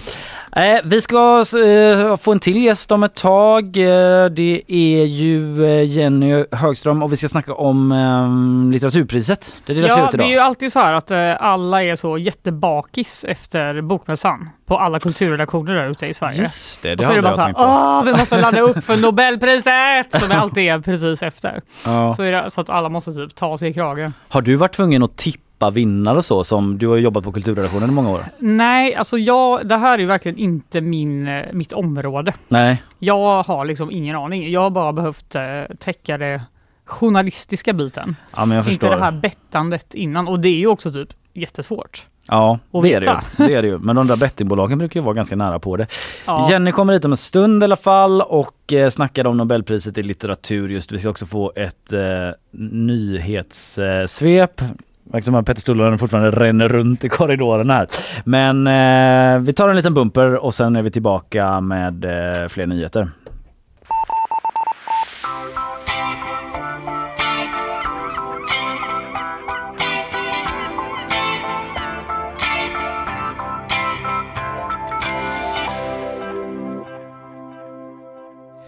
Isabella Persson, eh, du hjälper oss att eh, landa lite i lite mer hårdkokta nyheter efter den här halvtimman med Petter Stordalen. Ja, Vad är det som sker? eh, lite uppdatering från skottlossningen som vi hade i natt här i norra Göteborg, Agnesberg. Mm. Ehm, eh, polisen har inlett en förundersökning gällande försök till mord och grovt vapenbrott. Man har under natten spelat av platsen och söker en gärningsman och man har också knackat dörr här under natten men ingen är gripen ännu. Okej. Sen har vi också haft en händelse i Stockholmsområdet här under morgonen. En kraftig smäll ska ha skett i Upplandsbro. Okej, Mhm. ännu en smäll ja. Ja, polisen har larmats om en explosion vid en villa i Kungsängen och där ska det vara omfattande skador på byggnaden men än så länge är det oklart om någon har befunnit sig i huset eller om någon blivit skadad. Mm. Våldsvågen fortsätter svepa fram. Ja, ehm, vi får väl se om man utreder kopplingar, det vet vi inte i nuläget, till tidigare våldshändelser i Stockholmsområdet då. Mm. Men vi fortsätter att följa det. Men vi ska utomlands också. Jag eller? tänkte det. Igår Mm. pratade vi lite om att, eh, vi pratade ganska mycket om att Kevin McCarthy fick lämna sin roll, den republikanska talmannen, som eh, på historiskt blev bortröstad från sin position. Ja, Nu är det någon som visar lite intresse för den här platsen. se där Kan ja. ni gissa? Är det Trump? Det är Trump. Nej! Alltså visar Ja. han själv intresse? Nej men så här, det är Omnis rapporterar och hänvisar till NBC News att Trump inte ska vara helt främmande för att ta uppdraget. Va? Och han- då tänker man ju så, vadå vill inte han bli president? Eller? Ja. Vad är det inte det han håller på med? Ska han kandidera till talman nu då? Men Trump säger att många har ringt om talmansposten. Allt jag kan säga är att vi kommer att göra det som är bäst för landet och Republikanerna. Men eh, tillägger då att han eh, ändå fortfarande fokuserad på presidentvalet. Eh. Mm. Ja, det skulle ju vara någonting också historiskt eller åtminstone väldigt ovanligt att någon som inte sitter i representanthuset skulle bli Ja, talman precis. också, hörde jag. Eh, Så här, konstitutionen då säger att någon som inte sitter i kongressen, de, de får vara talman. Det liksom går inte emot. Men däremot har republikanerna egna regler Mhm. och då att ehm, någon som, eh, Trump är ju åtalad för flera allvarliga brott. Ja, ja. Och det är snarare det som kan ställa till det då. Att, eh, enligt republika- republikanernas egna regler så kan han nog inte få Så den det posten. kan ändå bli politiska konsekvenser av det. Eh, Det kan det absolut bli. Ja. Sen så kanske tror jag det aldrig har hänt att en tidigare president har gått och tagit talmansposten. Det har jag svårt att tro, utan att veta. men det skulle men nog också kunna vara historiskt Jag hör vad du säger. Mm. Känns som att allt eh, är på bordet nu. Liksom Ja. Vad som helst skulle kunna ske där borta. Mm. Och det kommer kunna ta jättelång tid också, flera omröstningar Det är helt- vad jag förstår. Det tror jag Ja. absolut. Ja, det är väl inte en boll vi kommer släppa då i första taget. Eh, Men tack för en uppdatering kring det Isabella. Tack.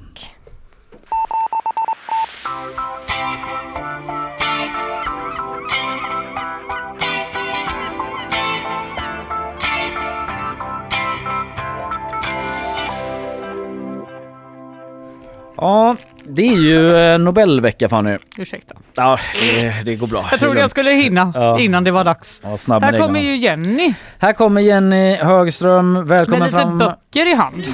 Vad passande. Det är ju, är det stressiga tider för dig Jenny? Ja, lite faktiskt. Vänta, där sa du. Lite faktiskt. Ja. Vad, eh, hur går snacket egentligen? Eh, inför Nobelpriset i litteratur. Ja. Ja men det är ju lite olika grejer. Ah, Det är dels så att folk vill ju ha fram sina kandidater. Mm. Sen vill folk förstå hur akademin tänker och hur tänker liksom den nya akademin eller Nobelkommittén. Typ. Just det. Ja, eh, så att det är liksom både så taktik och wishful thinking. Men de eh, wishful thinking, är det typ förlagen och så eller recensenter som alltid har vurmat för någon? Eller de som vill föra fram sin kandidat, vilka är det liksom? Eh, nej men jag tänker, alltså jag befinner mig i en värld befolkad av författare, kritiker, alltså Ah. kultur, kulturmänniskor. Eh, och sen är det ju naturligtvis folk som spelar.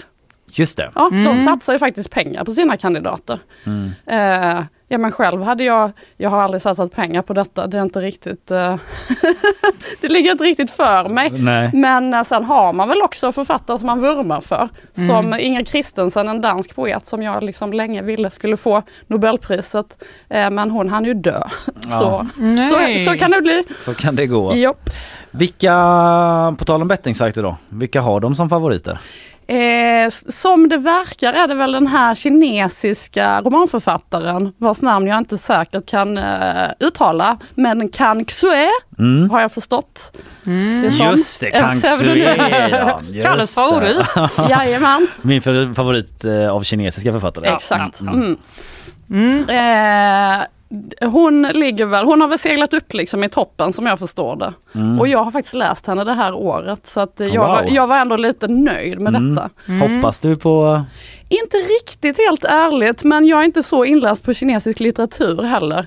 Men det är liksom, jag gillar ju surrealismen och jag gillar hennes sätt att, att gestalta det kinesiska samhället. Men det är liksom för flippat för att jag kan ta fram romanen här Mm. som jag har Ja, läst. du har med den ja. Jag tog med den för jag tänkte att det, det kunde vara gött att visa. Den heter Kärlek i det nya årtusendet. Fin var. Ja den är toppen. Va, Är den bra också? Den är bra, Ja. eh, men den kanske hade kunnat vara kortare för då hade man liksom kunnat klänga sig fast vid ganska vilda skeenden och väldigt mycket liksom drömlika. Alltså, ja, det ballar ur ordentligt. Men du är ju alltså GPs idé och kritikredaktör som du sa då. Du, du är mycket bland andra kritiker. Du är liksom i eh, där det händer. Vad är uppfattningen i den världen? Om vi skiter i bettingsajterna liksom. I Just det. litteraturvärlden. Vem ska få det här priset? Eh, det är många som hoppas på Jamaica Kincaid till exempel. Känns som återkommande. Det känns som återkommande. Eh, det är många som ehm, hoppas på Peter Nadas, en ungersk författare. Eh, Mircea Cartarescu, en rumänsk författare som kanske också eh, tillhör den här liksom väldigt voluminösa, eh, ganska surrealistiska skrivstilen. Så lite Europa där ändå. Ja men precis, det blir en centraleuropé. ja. Det är stalltipset liksom. Ja precis. Ja, alltså det blir ingen sån Bob Dylan chock. Är de klara med den typen av chockvinnare nu tror du? Eh, det tror jag. Om man tittar på hur Nobelkommittén ser ut så ser jag liksom inte, vem skulle det vara tänker ni? Ja, men det så, tydligen var ju Paul Simon med på någon Just sån bettinglista i alla fall. Ja. Nej, han är väl inte riktigt... You can call me Al. Ja, det är sant. Det är sant. Vad är? Odödliga rader. Det är inget fel på den faktiskt. ja, okej men... ehm, Jag har också sett Kendrick Lamar för övrigt, någon har tippat det. Men alltså om man tittar på akademin, jag kan Känns inte. inte så Mats Malm att skicka fram med Kendrick Lamar kanske? Det känns inte Steve Sam Sandberg heller kan jag säga. Nej, vi kanske inte ska förvänta oss det. Det blir, en, det blir förmodligen en klassisk författare av något slag då. Som vi En gedigen, eh, ja, Ja. ett gediget författarskap. Vad är din eh, känsla kring Nobelpriset generellt? Du är ingen sån jättefan har jag fått höra. Nej, jag är ju lite surgubbe i sådana här prissammanhang. Men det är också som jag säger att jag, jag, liksom, jag lever ju med litteraturen till vardags. Alltså eh, det är något av det viktigaste som finns för mig. Och eh, då känns det lite som att eh, folk tror att jag ska bli jätteglad när det är Nobelpriset i litteratur. Så nu blir äntligen det du brinner för uppmärksammat. Nu blir du äntligen glad. Ja, nu blir du äntligen glad. Nu är det äntligen en nyhet, liksom, Ja. det du bryr dig om. Fattar. Och man bara, nej lägg av alltså. Det är klart att, det är, klart att eh, det är underbart att eh, fantastiska författarskap uppmärksammas och att det får folk att läsa och så vidare. Visst absolut. Men eh, litteraturen är mer än så. Men du, vad hade du med dig mer? Du hade tre böcker med dig här ser jag. Ja, Jag har ju med mig en hel eh, påse men jag tog bara upp tre stycken så här. Ja. Och då tog jag med Kang Xue, Kärlek i det nya årtusendet. Ja. Eh, Det var den du nämnde där ja. precis, och sen så tog jag med den lille ungraren Herregud. Peter Nadas. Och det här är bara första delen av hans självbiografi, Illuminerade detaljer. Det låter som ett Nobeltitel på en roman. Eller säga. hur? Eller hur? Han har också skrivit en, eh, en roman som heter Parallella historier där det bland annat finns en berömd sexscen som varar i hundra sidor. Men grejen med honom är att alltså, han är en sån fantastisk författare. Han bara liksom, eh, han krokar fast i en och sen så eh, dras man med. Så Ja. du blir inte så cringe efter 50 sidor? Absolut bara, inte. Hallå, är vi klara nu? Nej, då hade jag inte rekommenderat honom. Hade, jag, hade det varit cringe så hade jag eh, Tagit någon annan bok. Ja precis, men eh, sen när jag gick igenom mina bokhyllor för att tänka så här, ah, vilka nobelpriskandidater har jag, bla bla bla. Så kollade jag i dikthyllan och eh, så hittade jag den svenska poeten Göran Sonnevi. Mm. Vi får inte glömma Göran Sonnevi. Han Nej. lever fortfarande och eh, han har ju ett fantastiskt verk bakom sig. Han kom ju med en diktsamling senast förra året.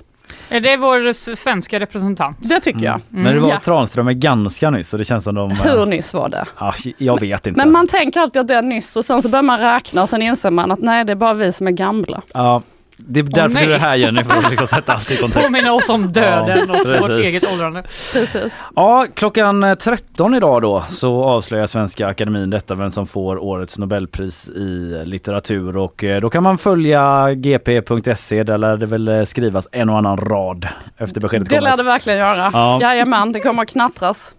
Tusen tack eh, Jenny Högström, vår alldeles egna idé och kritikredaktör här på GP. Tack ska ni ha.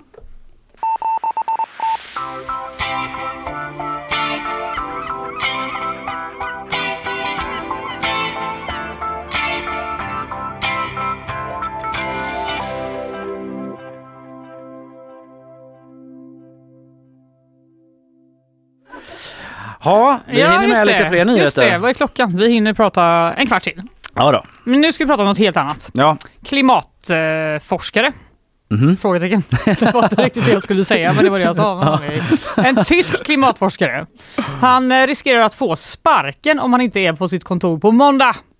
Jaså? Ja, det kan man ju förstå. Ja, det blir- eller det låter ju inte så konstigt om man inte dyker upp på vara. jobbet. Ja. Eh, Exakt. Kanske inte få Eh, sparken direkt men eh, det är inte lämpligt det, det har han inte heller fått utan det är så här att under det senaste halvåret så har klimatforskaren Gianluca Grimalda rest runt i Oceanien för fältarbete. Dröm. Mm. Eh, men nu vill hans arbetsplats att han ska vara tillbaka på jobbet. De ger honom till måndag att infinna sig på kontoret i Kiel. Annars har han inte längre något jobb att återvända till. Men det kommer bli svårt. Alltså? Mm. Klimatforskaren vägrar att flyga. Han Aha. planerar att resa hem med båt, vilket beräknas att ta uppemot två månader. Mm. Finns det wifi ombord kan han ändå jobba liksom. Ja, så här är det. Han säger så här. Flygresor är verkligen det snabbaste sättet att bränna fossila bränslen. Det snabbaste sättet för oss själva att gå mot en katastrof, säger Gianluca Grimalda till The Guardian. Och eh, under de här sex månaderna som han har rest runt, bland annat har han varit på en ö som är en del av Papua Nya Guinea, för att forska då om hur invånarna påverkas av klimatförändringar. Eh, Och Papua Nya Guinea är ett av de länderna som är mest sårbart för då konsekvenserna för om det blir varmare. Mm. Han har i flera inlägg på X beskrivit då hur öbor tvingas att flytta hela byar inåt landet för att eh, vattennivåerna stiger. Eh, och han, eh, ja, han säger också att de, ja, han har blivit väldigt liksom, skeptiskt bemött av eh, invånarna på de här öarna helt enkelt. Eh, och därför lovar han att eh, han ska liksom bidra så lite som möjligt till koldioxidutsläppen på den här resan tillbaka till Europa. Just det. Jag ska aldrig flyga igen. Och sen bara rrr, du ska hem imorgon. Ja, exakt. bara, Tack! Nu kommer med försparken. Aha. Eh, vita män som vi kallas här, för att de är det antar jag, Ja. eh, kallas för geman, vilket betyder lögnare eller bedragare på det lokala språket. Mm. Jag vill inte bli en geman, skriver Gianluca Grimalda på X. Okej, undrar om de kommer backa det här universitetet då? Ja, jag vet inte. Så här är det, han skulle vara tillbaka den 10 september. Ja, ja, det är ett tag sedan. Eh, hans fältarbete skulle vara klart i juli. Han skulle då åka tillbaka till Tyskland i september men nu då väntar han fortfarande på att hitta ett fraktfartyg som kan ta med honom därifrån till Europa. Uh, han ett säger att han... Fraktfartyg det är alltså? Jätteglammigt. Man kanske har svinmycket grejer med sig. Ja. Eller? Man... Det är typ min, att jag bara Skalman ute på sånt. jag måste ta fram mitt förstoringsglas. Ja. Eh, han säger att han vet att det har gått över tiden, men att han har råkat ut för ett antal oundvikliga förseningar såsom svårigheter att bygga tillit bland öborna och att han till och med hållit som gisslan av machetebärande banditer.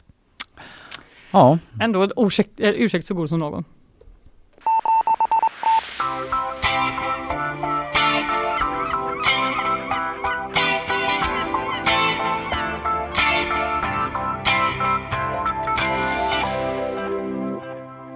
Du, eh, känner du till eh, The Flat Iron Building? Ja.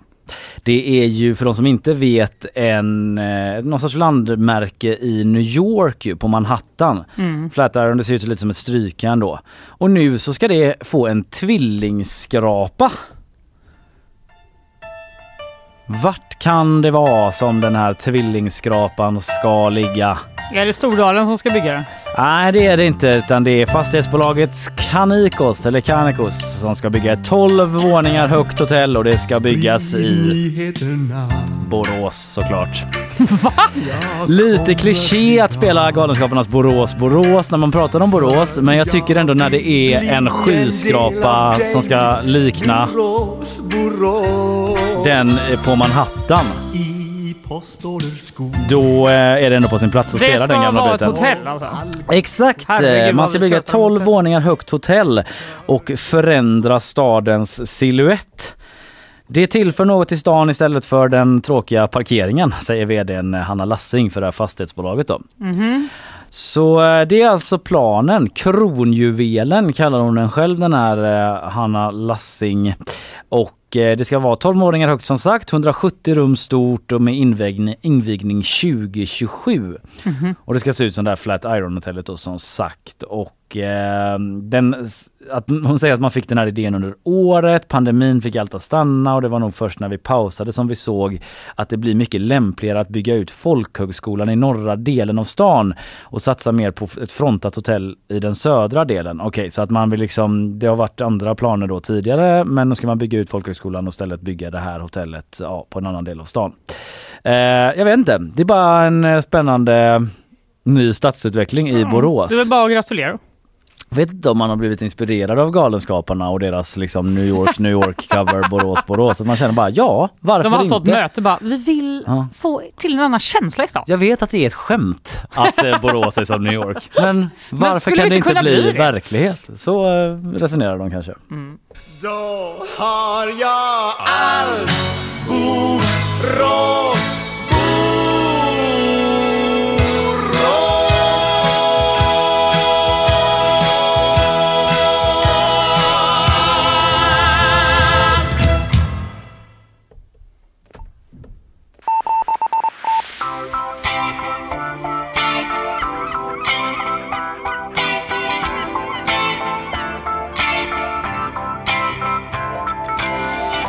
Vi är tillbaka! Folk trodde kanske det var slut när jag gjorde sådär. Ja, verkligen. Men jag tänker vi ska åka till Paris istället. Ja, Där har det varit modevecka. Jaha ja, det har, har gått mig faktiskt, jag har missat det måste jag säga. Ja det verkar som att... Trots min eh, fly-stil så har det gått Trots att du brukar sitta så på Vogue och klicka ja. igenom alla Ska se mig ibland när jag kommer in här halv eh, fem på morgonen typ med mina hot couture kläder. ja, Vad det... är den där tröjan upp och ner? Bara, ja det ska vara så. Det är kräks på andra sidan. Så. Det måste vara så. Fair enough. Småbarns life. Ja. ja. vi må vara långt ifrån Fashion Week men vi kan åtminstone rapportera om vad som händer här. Det kan vi. Eh, och eh, det som verkar vara den som har stulit rampljuset eh, på den näst sista dagen var då en fransk influencer, Jerem Star. Mm. Jerem Star? Jerem Star? Jag vet inte. Nej, Känner inte till honom. Inte jag heller. Eh, lyxmärket Louis Vuitton skulle i alla fall presentera sin vår och sommarkollektion för 2024 och iklädd blodigt ormskinn. Jo, ja. både blodet och skinnet var fake står det på g.se. Är det sånt som jag hade häromdagen? Blodigt ormskinn. God morgon, god morgon.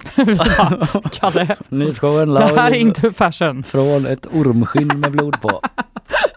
Ja, eh, den här 36-åriga Jeremy Gisklon, som är Jermstar egentligen heter då.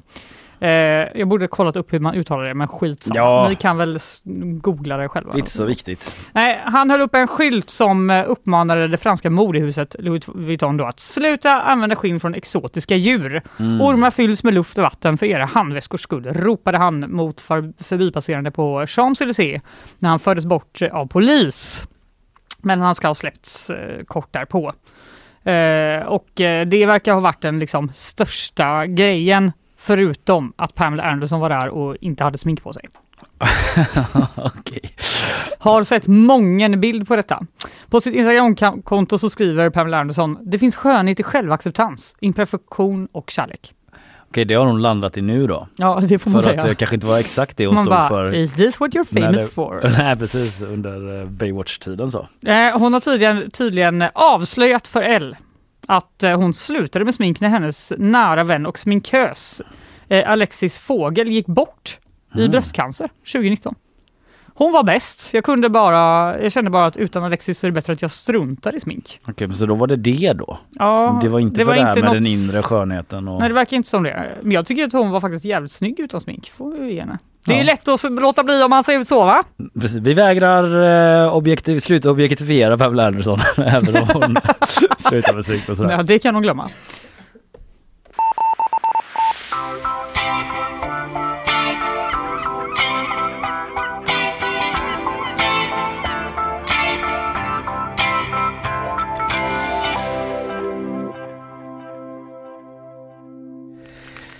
Du, ehm, så här, eh, det är... Jag har läst en intervju Jaha. i Dagens Nyheter. Det är nämligen så att de har sökt upp en person som har blivit något av en kultfigur inom svensk fotboll. Okej. En fransk domare som eh, inte har velat prata om någonting som skedde under väldigt, väldigt lång tid. Men nu har Dagens Nyheter sökt upp den här domaren för att ställa frågor om det här skandalösa som hände en gång i tiden när AIK 1999 mötte Barcelona i Champions League. Va? Allt du säger är jättekonstigt. Ja, det är lite konstigt. Eh, det som inträffade, vi kan lyssna på en liten bit från det under den här matchen som är liksom en del av typ svensk fotbollshistoria lite grann. Och ut går också Novakovic. Är det matchvinnaren som försvinner? Nej! Vad händer? De håller på att byta AIK. Nej, det kan inte vara möjligt va? Domaren eh, pekar mot mål. Gör han det? Är det sant? Ja, det är en eh, stor eh, skandal som pågår där då att eh, AIK håller på att göra ett byte precis eh, och precis då medan en spelare är på väg ut från plan. Mhm. Ja, du ser intresserad Nej, men jag, ut. bara, nej, jag är intresserad. Ja, jag vet, jag är det. Eh, när eh, Nebojsa Novakovic då, den här spelaren AIK, är på väg ut från plan, eh, då ska ju alla vänta på att liksom den andra spelaren ska komma in på plan. Mhm. Så att de är lika många. Ja, ja, ja, Men medan det här bytet håller på och AIK alltså är en spelare mindre, då slår Barcelona sin hörna och gör mål. Så alla är bara så vad i helvete, vi måste ju få vara lika många här i alla Det fall. låter olagligt tänkte jag säga, men Ja, det låter men- mot reglerna. Regelvidrigt, absolut. Och eh, det var en stor skandal, eller som Glenn Hysén som var expert på den tiden säger. Nej, det får inte lov att hända sånt här. Det får inte lov att hända sånt här. Nej. Eh, och eh, det hade han ju alldeles eh, rätt i någonstans. Det var nämligen så att AIK ledde med 1-0 mot Barcelona, vilket är helt sinnessjukt eh, på många sätt. Mm. Det, det ska ju heller inte få hända, sånt där. Nej, i, mer eller mindre. Eh, men så gjorde eh, Barcelona det här målet och eh, sen så gjorde de ett mål till då efter det.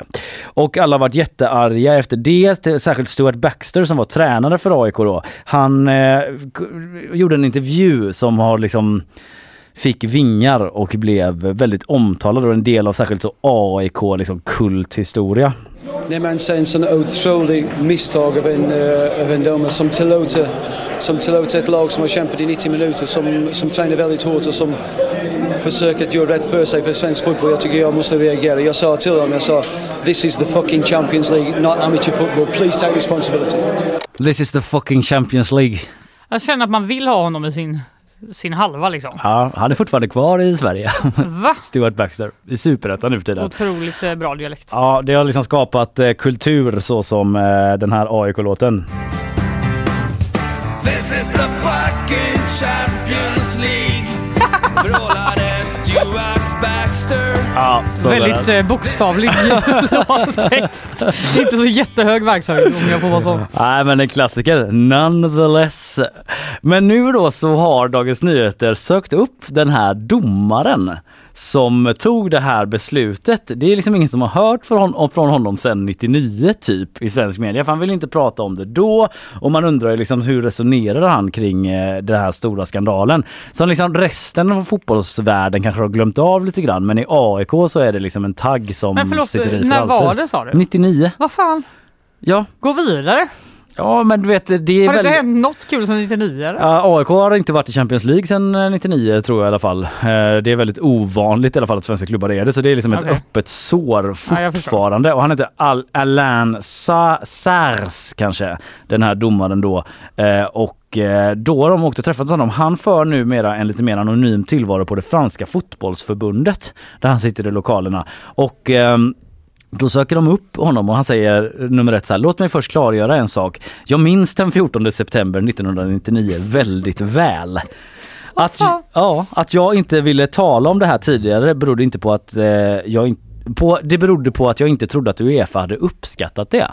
Jaha. Så han menar att han har liksom haft någon sorts självcensur här. Att Ja. Uefa, inte, alltså fotboll, Europeiska fotbollsorganisationen, inte hade velat att han snackade om det här. Och han förklarar då liksom att så här, det var en annan tid, man hade inte teknisk utrustning, man hade inget headset, han kunde inte kommu- kommunicera med dem på sidan. Och han skyller också lite på AIKs svarta dräkter. Att han typ inte riktigt såg hur många som var där och skulle byta, för det var ett så kallat dubbelbyte då som skulle genomföras.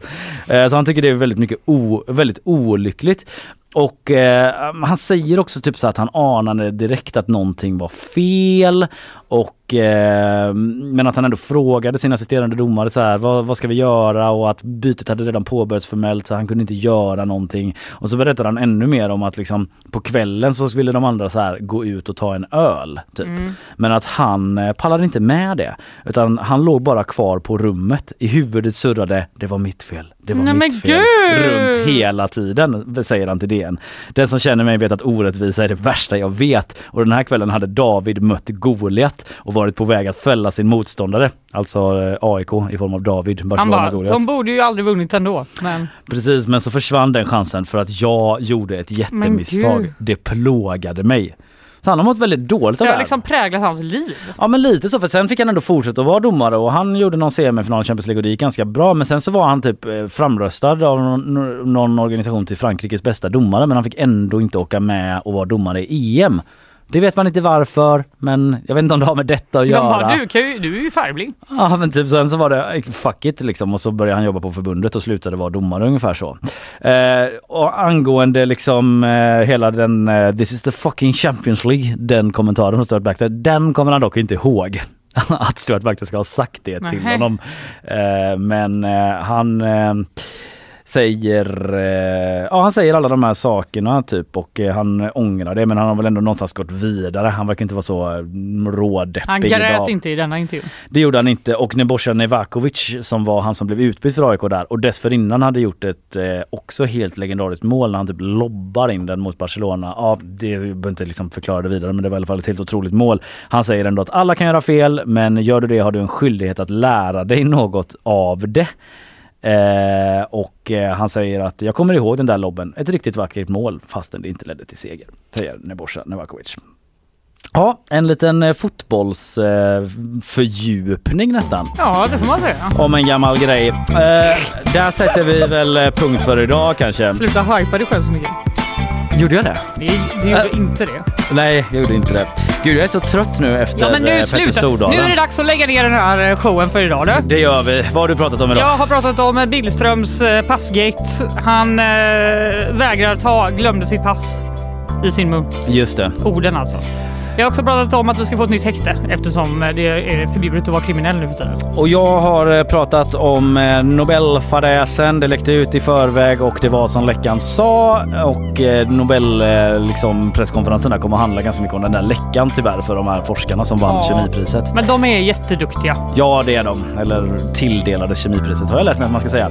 Eh, sen var Petter Stordalen här då. Det är ju stor eh, galainvigning typ för hans megahotell Ja, det Draken. lät eh, som att det var Game of Thrones tema och eh, att man behöver ha en stor fantasi Helt ärligt. för eh, att eh, förstå vad han menar. Ja men transparens kring detta. Är jag helt dum i huvudet eller förstod du vad den det där är ju draken meningen skulle att du göra? skulle förstå ja det är det. det. Ja. Det kommer väl vara någon eh, mäktig Han påstår projektion liksom att den ska flyga ut som i Game of Thrones. Ja, we'll see. Sist så eh, tände de eld på något tror jag. När de det. skulle inviga själva bygget. Han vet hur man skapar PR, det gör han. Petter Stordalen. Sen hade vi Jenny Högström här också snackade Nobelpriset i litteratur. Det tillkännages ju idag då klockan ett. Så det Ja. ser vi fram emot.